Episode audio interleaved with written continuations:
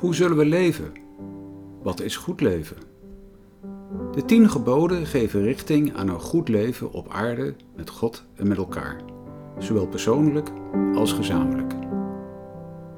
Die oeroude tien leefregels wijzen ook vandaag een weg die we in gehoorzaamheid, vertrouwen en vrijheid kunnen gaan.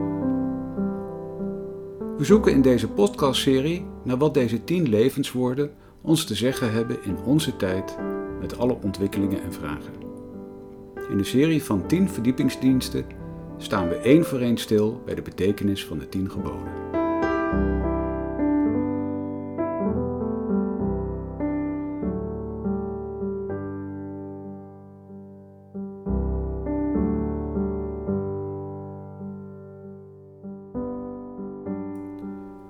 Dit is de zesde preek in de serie van 10. Het zesde gebod. Gij zult niet doodslaan.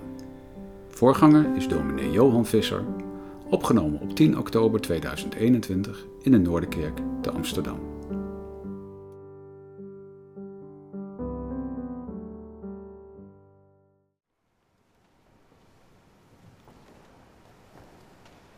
Vanavond staat het uh, zesde gebod. Uh, centraal in deze verdiepingsdienst het gebod Gij zult niet doodslaan of u zult niet doden. En we luisteren naar twee Bijbelgedeelten die, nou ja, waar het erover gaat, die dat gebod ook weer verdiepen. En we horen eerst het verhaal, ik zou kunnen zeggen dat is een soort de Bijbelse klassieker over dit onderwerp, het verhaal van Kain en Abel uit het begin van de Bijbel, Genesis 4, vers 1 tot 16. En tussen de lezingen door zingen we Psalm 72, waar het gaat over de koning die geroepen is juist om de geweldenaars tegen te gaan. En na deze eerste lezing Psalm 72, vers 1. Genesis 4. En Adam had gemeenschap met Eva zijn vrouw en ze werd zwanger en baarde Kain. En ze zei, ik heb een man van de Heer gekregen. En ze baarde opnieuw zijn broer Abel. Abel werd herder van kleinvee en Kain werd bewerker van de aardbodem. En het gebeurde na verloop van dagen dat Kain van de opbrengst van de aardbodem aan de Heer een offer bracht. En ook Abel bracht een offer van de eerstgeborene van zijn kleinvee en van hun vet. De Heer nu sloeg acht op Abel en op zijn offer, maar op Kain en op zijn offer sloeg hij geen acht. Toen ontstak Kain in grote woede en liet zijn hoofd zakken. En de Heer zei tegen Kain, waarom bent u in woede ontstoken? Waarom heeft u uw hoofd laten zakken? Is het niet zo dat u, als u het goede doet, uw hoofd kunt opheffen? Maar als u niet het goede doet, ligt de zonde aan de deur. Nou, u gaat zijn begeerte uit, maar u moet over hem heersen. En Kain sprak met zijn broer Abel en het gebeurde toen zij op het veld waren dat Kain zijn broer Abel aanviel en hem doodde. En de Heer zei tegen Kain, waar is Abel uw broer? En hij zei, ik weet het niet, ben ik de hoeder van mijn broer? En hij zei, wat hebt u gedaan? Er is een stem van het bloed van uw broer dat van de aardbodem tot mij roept. Nu dan, u bent vervloekt. Weg van de aardbodem die zijn mond heeft opengedaan om het bloed van uw broer uit uw hand op te nemen. Als u de aardbodem bewerkt, zal die u zijn volle opbrengst niet meer geven. U zult dolend en dwalend over de aarde gaan. En Kain zei tegen de Heer: Mijn misdaad is te groot om vergeven te worden. Zie, u verdrijft mij heden van het aangezicht van de aardbodem en ik zal voor uw aangezicht verborgen zijn en dolend en dwalend over de aarde gaan. En het zal zo zijn dat al wie mij tegenkomt mij zal doden. Maar de Heer zei tegen hem, Daarom zal al wie Kain dood zevenvoudig gewroken worden. En de Heere merkte Kain met een teken, zodat niemand die hem tegenkwam hem zou doden. Toen ging Kain weg van het aangezicht van de Heere en hij woonde in het land Not ten oosten van Eden. Tot zover de eerste lezing. De tweede lezing uit het Nieuwe Testament is aan de brief, uit de brief van Paulus aan de Romeinen, hoofdstuk 12, vers 9 tot 21.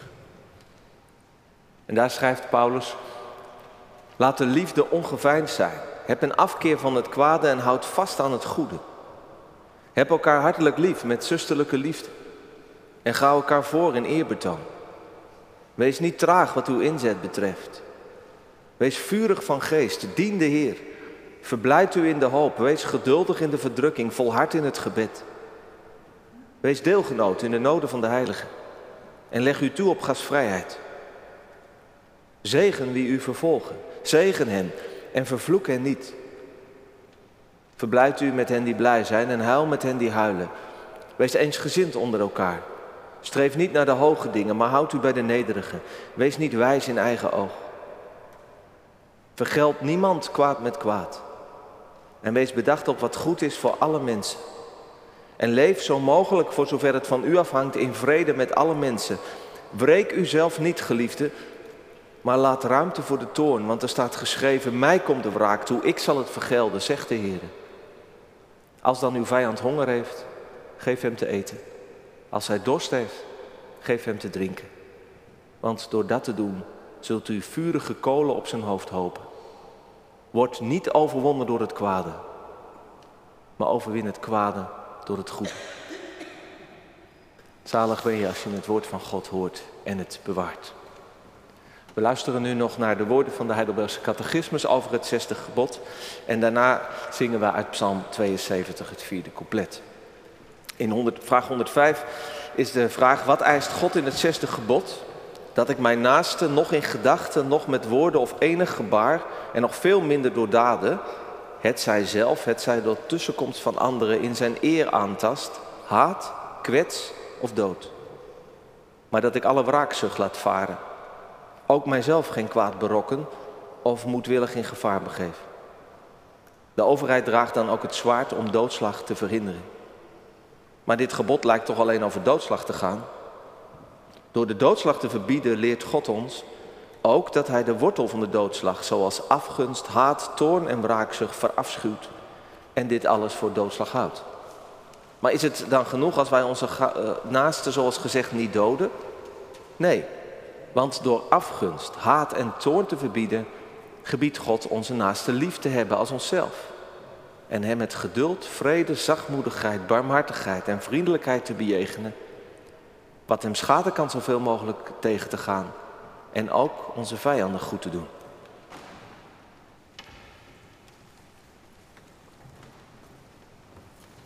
Gemeente van Jezus Christus. Waarom? Waarom haten mensen? Waarom pesten wij? Waarom slaan mensen elkaar dood? Waarom maken we wapens? Geven we miljarden en miljarden per jaar uit aan technologie om te doden?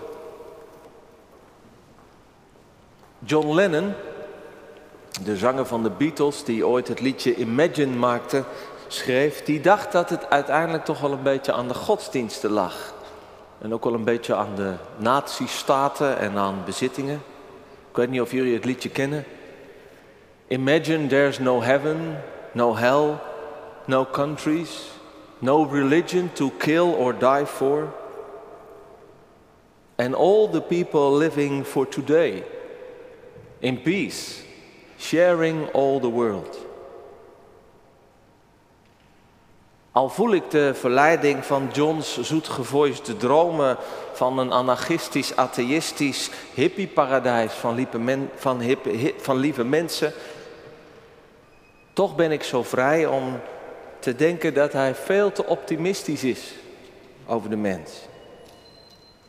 En ook een beetje te negatief over religie. Maar zijn droom, hè, verbeeld je toch eens dat is deels wel het visioen van de Bijbel. Het paradijs, waar het schaap, waar het lam en, en de wolf bij elkaar zijn. Waar een kind met een slang speelt. Het visioen van het Sion van de toekomst. Waar de volken niet eens meer weten hoe je oorlog moet voeren. En waar de AK-47's en de, de granaatwerpers als harken en schoffels worden gebruikt. Maar wel met de hemel erbij. Sorry John, je verbeelding schoot tekort. En dat Bijbelse visioen, dat is denk ik meer dan een droom. Dat is wat Jezus nu heel concreet voor ogen had met zijn volgelingen. Met ons. Die hij het zout van de aarde en het, en het licht van de wereld noemt. En dat concrete, die concrete uitkomst van het visioen zit ook al in het zesde gebod verborgen. In de eerste plaats is dit gebod een verbod om een ander mens te doden. En is het in die zin ook niet zo heel bijzonder. In de, in de meeste culturen en godsdiensten worden moord en doodslag verboden. Het is in de Bijbel, zoals denk ik ook in de meeste culturen, geen absoluut verbod op het nemen van het leven. Er zijn uitzonderlijke omstandigheden, zelfverdediging of oorlog, of een door de overheid rechtvaardig gevoerd proces, die een uitzondering zijn. Maar de strekking is helder. Je blijft van het leven van je medemens af. En het gebod, het is een bescherming tegen, tegen wraak. En tegen een wereld waarin het recht van de sterkste en het geweld de dienst uitmaken. En voor ons is het misschien een heel vanzelfsprekend gebod. En dat zegt iets over hoe betrekkelijk vredig onze samenleving is. Maar op andere plekken en in andere, eh, in andere tijden is het een baken van beschaving en menselijkheid. En nog steeds is dit gebod een waarschuwing aan de machthebbers en de geweldenaars. Dat ze nu misschien wel straffeloos vliegtuigen kunnen neerhalen en bommen gooien en mensen martelen en vergiftigen en in stukken zagen en kapot maken. Maar dat God het bloed van de onschuldig, onschuldige mensen wel terdege opmerkt. En dat Hij het zal vergelden. Maar is dat de betekenis van het gebod? Nou, ik heb nog nooit iemand vermoord, zeggen mensen regelmatig als ze zich afvragen hoe zij het ervan afbrengen in het leven. Ja, ja, dat is altijd zo makkelijk. Hè? Vergeleken met mafiosi, dan vallen wij allemaal wel best wel mee. En in de Heidelbergse catechismus klinkt die vraag ook. Maar het gaat toch alleen over doodslag? Is het niet genoeg dat we gewoon een ander, ander niet doden? Nee, zegt de catechismus. En daar zit de Bijbelse gedachte aan dat, dat, er in, dat, dat het gebod niet zomaar op zichzelf staat. Aan alles, hoe volmaakt ook, heb ik een einde gezien, maar uw gebod is onbegrensd. Dat is zeer ruim, zingt Psalm 119. En ook dit hele korte gebod is onbegrensd. Het, het gaat de diepte in, zou je kunnen zeggen. Naar de wortel van moord en doodslag. Namelijk haten wraakgevoelens en woede. Het gaat niet alleen over daden, maar ook over woorden en gedachten en gebaren waarmee je je, je, je naaste kunt, kunt raken en schaden. En het gebod gaat open in die oneindige ruimte van de naaste liefde. God gebiedt ons, zegt de catechismus, onze naaste liefde hebben als onszelf. En hem of haar met geduld, vrede, zachtmoedigheid, barmhartigheid en vriendelijkheid te bejegenen. Wat hem schade kan zoveel mogelijk tegen te gaan. En ook onze vijanden goed te doen. En door het gebod stappen we ook in die oneindige ruimte van Gods grote liefde en barmhartigheid leren we God kennen. Die geen God van de dood of van de doden is. Maar die een God is van het leven en van de levende. Van het kostbare leven. Die, die, die ruimte van dat gebod komen we ook tegen in dat klassieke verhaal uit de Bijbel over doodslag van Kain en Abel. Het geeft eigenlijk een heel simpel antwoord op die vraag waar ik mee begon. Waarom haten, pesten en doden wij mensen? Ja, omdat we niet alleen zijn op de aarde. Wij hebben allemaal broeders en zusters. We hebben mensen naast ons. En die medemensen die zijn nu eenmaal lastig. Die kunnen ons in de weg lopen. En bovendien zijn we niet hetzelfde. Ons overkomt niet hetzelfde in het leven. Ja, zelfs, zelfs God reageert niet hetzelfde op ons. Zo is het leven, lijkt dat verhaal te suggereren. En het is soms onrechtvaardig, ja. En dat leidt tot verschillen en dat kan leiden tot botsingen. En, en dat kan weer leiden tot woede, woede en agressie en jaloezie en somberheid, frustratie, onmacht. Staat er zo mooi, vind ik. En die ontstak in toorn. Hè? Hij werd woedend. En hij liet het hoofd hangen. Dat is een soort. Hij zag het even niet meer zitten. En in dat leven met elkaar en al die botsingen en dingen die er gebeuren, ligt de zonde op de loer. De zonde als een macht, als een roofdier bijna, die, die op de loer ligt om, om via die gevoelens ons te beheersen. Als jij niet goed doet, dan ligt de zonde aan de deur, waarschuwt God in. Maar jij moet heersen over die zonde. Ja, God lost het voor ons niet op. Het is aan ons mensen om over woede en frustratie en, en, en al die emoties te heersen en niet andersom door die zonde te worden meegenomen.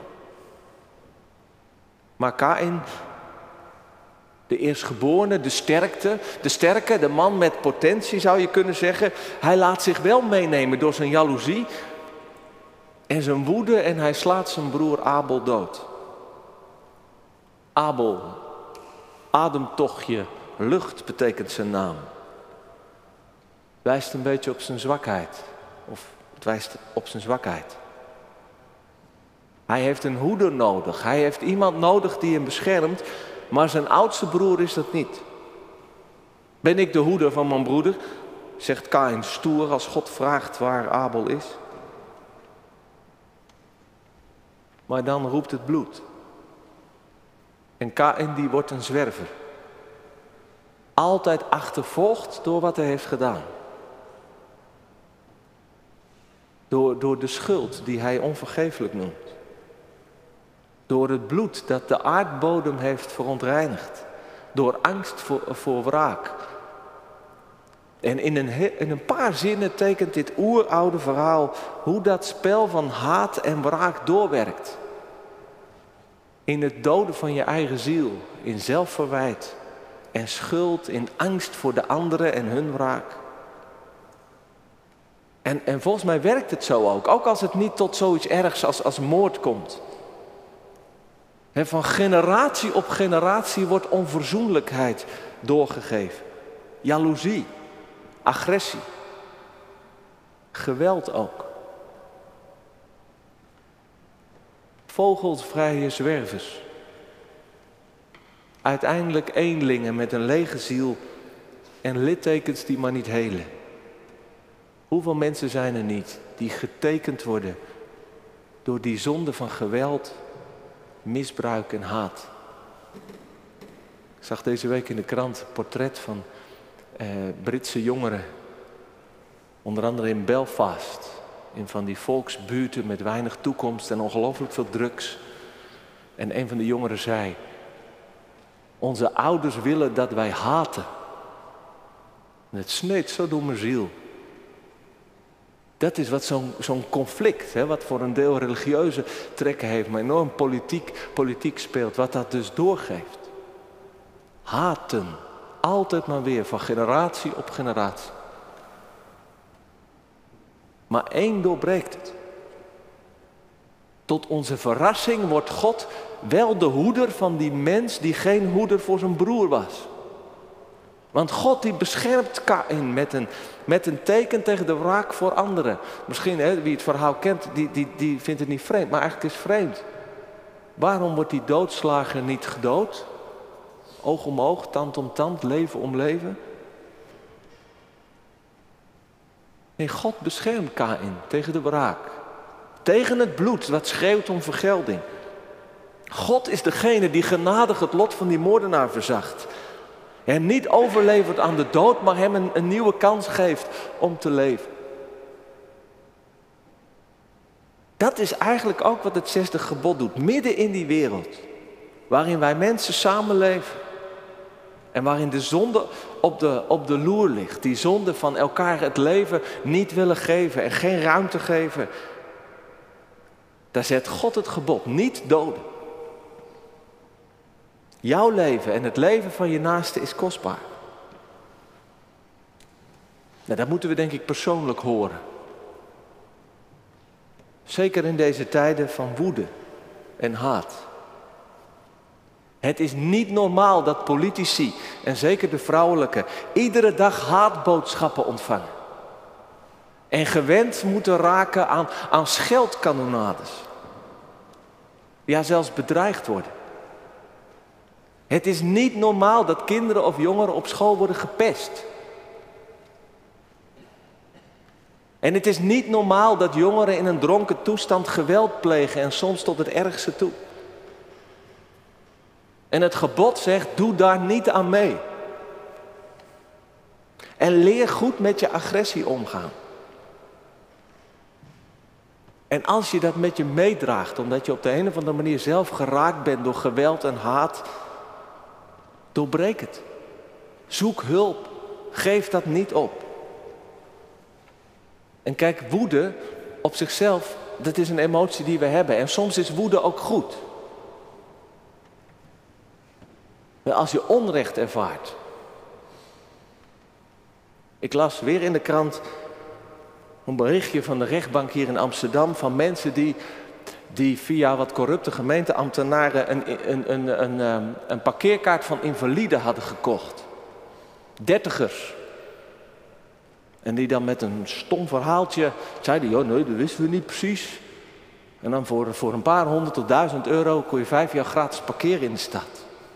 En daar word ik echt kwaad van en dat, u ziet het aan mij.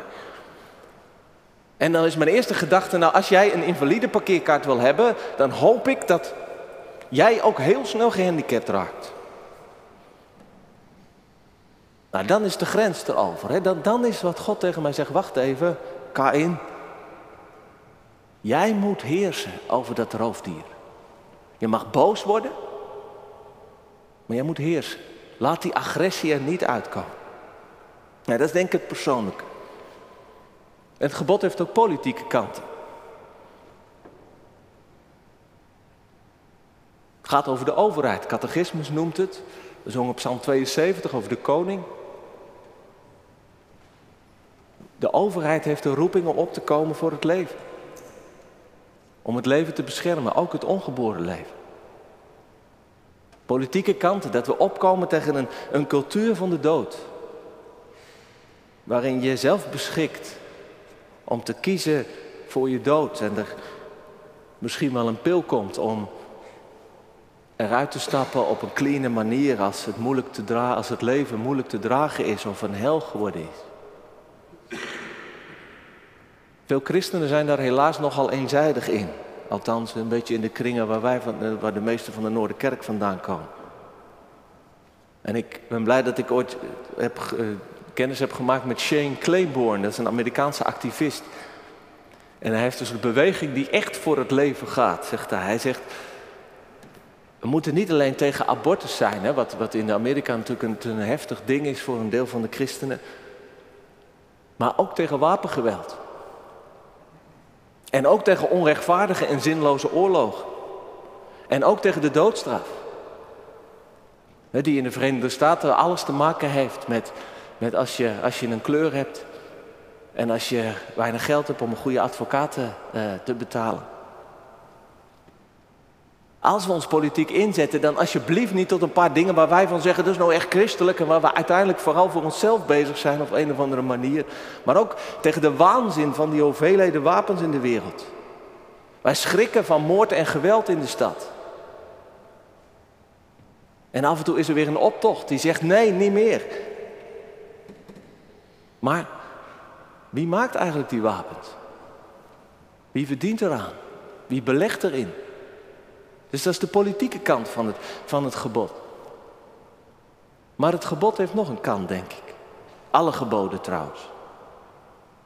En dat is denk ik die kant van dat, er, dat het gebod ook gaat over een gemeenschap waarin dat gebod tot bloei kan komen. Waar het leven kostbaar is. En waar wij bekeerd worden van de haat en de agressie. En ons oefenen om goed met onze woede om te gaan. En, en, en die ruimte van de naaste liefde te leren kennen en zo dat gebod te vervullen. Het is denk ik goed. Geboden gaan niet alleen, zijn niet individueel of hebben niet alleen te maken met, met het politieke, maar die hebben ook iets te maken van de met de gemeenschap, voor de kerk, voor ons. En ik noem een paar dingen kort, met steeds een voorbeeld erbij. Dat we elkaar helpen en aansporen om als er dingen zijn voorgevallen tussen mensen, om verzoening te zoeken. Om voor zover het in onze mogelijkheid ligt, vrede te hebben. Elkaar te vergeven. En ik weet, het kan soms lang duren. Maar er is een gemeenschap waarin we dat niet opgeven met elkaar. Ik las een verhaal van een bekende die in een gemeenteblaadje uh, schreef. En ik, ik, weet van haar, van haar vader, um, die heel het leven op de kop heeft gegooid. En met wie er geen contact meer was. En altijd is dat een soort, soort litteken meegegaan met, met ook gevolgen. En vertelde dat ze in een crisis van haar leven een hele intense geloofservaring kreeg van, van, van licht. En dat dat ook iets in beweging had gebracht dat ze weer contact met de vader zocht. Ik vond dat een mooi, mooi voorbeeld van zo werkt het dus. Er is een gemeenschap waar, waar, waar mensen steeds weer in contact blijven met die liefde van God. En waarin je ook geholpen wordt om het, om het vol te houden en op een bepaald moment misschien ook juist weer die verzoening te zoeken. Ander voorbeeld, zelfmoord heel lang in de kerk dat heel vrij moralistisch en streng behandeld. En wij hebben veel meer oog gekregen voor het tragische ervan. als mensen blijkbaar de verlangen om sterven groter is dan ergens de ruimte nog om te leven. Ik moest denken aan een studentenconferentie van heel wat jaren terug, waar we begonnen en toen was, kwam er een groep met de boodschap dat een van hun leden van een vereniging net die week uit het leven was gestapt. En ja, wat moet je dan nog met elkaar daar? Een grote verslagenheid.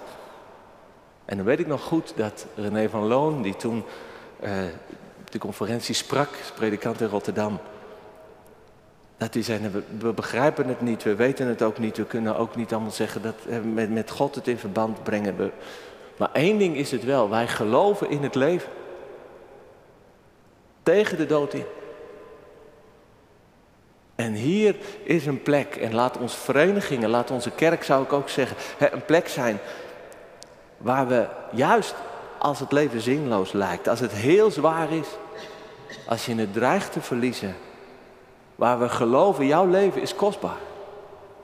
Waar we met jou strijden voor het leven omdat we geloven dat het voor jouzelf en voor, voor je, je naaste, dat het zo triest is.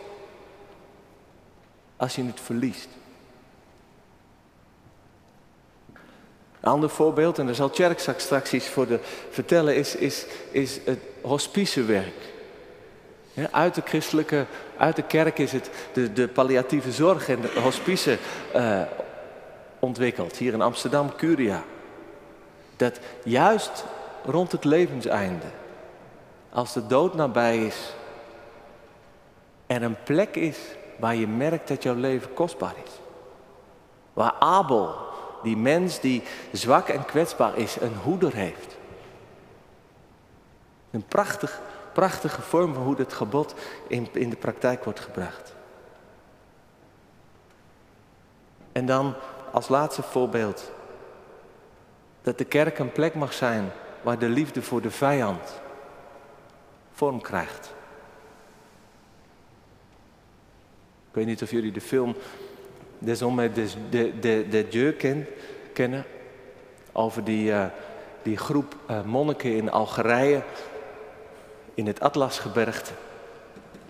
Die in 1996, van wie er zeven, toen, ik geloof zeven, toen zijn vermoord door islamitische terroristen. En indrukwekkend, die, een van hen, Christian de Chergier, die, die had het voorgevoel dat, dat dit hen zou overkomen. En hij had een brief achtergelaten die na zijn dood werd geopend. En in die brief schrijft hij, als de tijd daar is, zou ik graag een helder moment willen hebben om God en mijn medemensen om vergeving te kunnen smeken. En om tevens met mijn hele hart degene te vergeven die de hand aan mij zal slaan. En hij schreef dan verderop over zijn toekomstige moordenaar. Ik beveel je aan bij God. Dat we elkaar als blijde, goede misdadigers, hij wijst dan op die, die twee misdadigers die naast Jezus zijn gekruisigd, mogen ontmoeten in het paradijs. Als het God, de Vader van ons beiden, tenminste behaagt. En dit is extreem natuurlijk. Dit gaat over martelaren. dit zijn die verhalen van de vervolgde kerk en die lijken ver van ons bed. Maar ze gaan wel over ons. De liefde voor de vijand is de climax, is, de is het hoogtepunt van het zesde gebod waarin dat helemaal open gaat. Degene die jou naar het leven staat, jou geen ruimte geeft, die als een K-in op je afkomt, zegenen, liefde betonen. Dat is het vuur van de liefde, hè, dat als kolenvuur op iemands hoofd worden, worden gelegd. Sterker dan het vuur van de haat. Dat is het goede van God dat het kwade overwint. Dat is Kain, die werkelijk nu werkelijk over de zonde heerst. En ik denk, ik zat te denken, ja, wat vraagt dat nu voor ons? Dat kan zijn hè, dat je heel concreet vijanden in je leven zijn. Begint misschien vooral ook om te, om te kennen waar onze vijandschap zit, onze haat, onze angst of jaloezie, onze neiging tot geweld tegen groepen en individuen. Ik denk dat die allemaal in ons zit. Ook in mij, ook onder ons aanwezig. En denk, de, de begin van de liefde voor de vijand is om dat te gaan onderkennen en, en, en daarvoor te gaan bidden. Nou, misschien zeg je, dit is, dit is, dit is eigenlijk onhaalbaar. Dit is onmenselijk. Dit is dwaas eigenlijk als je zo moet leven. Nou, dan heb je helemaal gelijk volgens mij. Dit is onhaalbaar. Dit is dwaas leven en dit is onmogelijk voor ons. Maar wij zijn niet meer van onszelf, toch? Maar we zijn van Christus. Wij zijn van Christus, die, die vermoord werd door een onrechtvaardige doodstraf. Die geslagen werd, die gehaat werd, bespot en die tussen twee moordenaars hing. Van Hem zijn wij. Hij die bad om vergeving voor zijn vijanden. Hij die die ene moordenaar die berouw kreeg, het paradijs beloofde. Meer nog dan K in een teken kreeg, dat hem voor wraak behoede, deed hij voor die, voor die moordenaar op het laatste nippertje de poort van het paradijs weer open. Heden zul je met mij in het paradijs zijn. Van hem zijn wij. Hij die door de mensen werd vermoord. Die droeg al die haat en vijandschap en geweld. Die droeg dat vreselijke, gruwelijke martelwerktuig. Alle zonden tegen het zesde gebod droeg hij. En hij droeg ze weg de macht en de kracht van dat kwaad is door hem gebroken. En God heeft hem opgewekt. U zult niet doden, zei God. En toch werd Abel vermoord en na hem miljoenen anderen. En toch wordt er gepest en gehaat. En, en, en, en kunnen we soms onze naasten, het licht in de ogen gunnen we die niet. En toch werd Jezus gedood, ondanks dat God zei, jullie zullen niet doden. Maar God blijft bij zijn voornemen. Je zult niet doden en als jullie het toch doen, dan zal ik hem opwekken en weer laten leven. Dan zal ik wel leven geven door de dood, dood heen. Wij zijn van hem, toch? Althans, dat hoop ik. Of in ieder geval, je kunt van Hem worden. Laat het dan vanavond nog gebeuren. En we delen in dat leven. Dat kostbare leven. Waarom zou je dan nog doden? Nog haten? Geen verzoening zoeken? Waarom zou je dan niet lief hebben? Je naaste met alles wat in je is. Waarom? Als je dat leven hebt gevonden. Amen.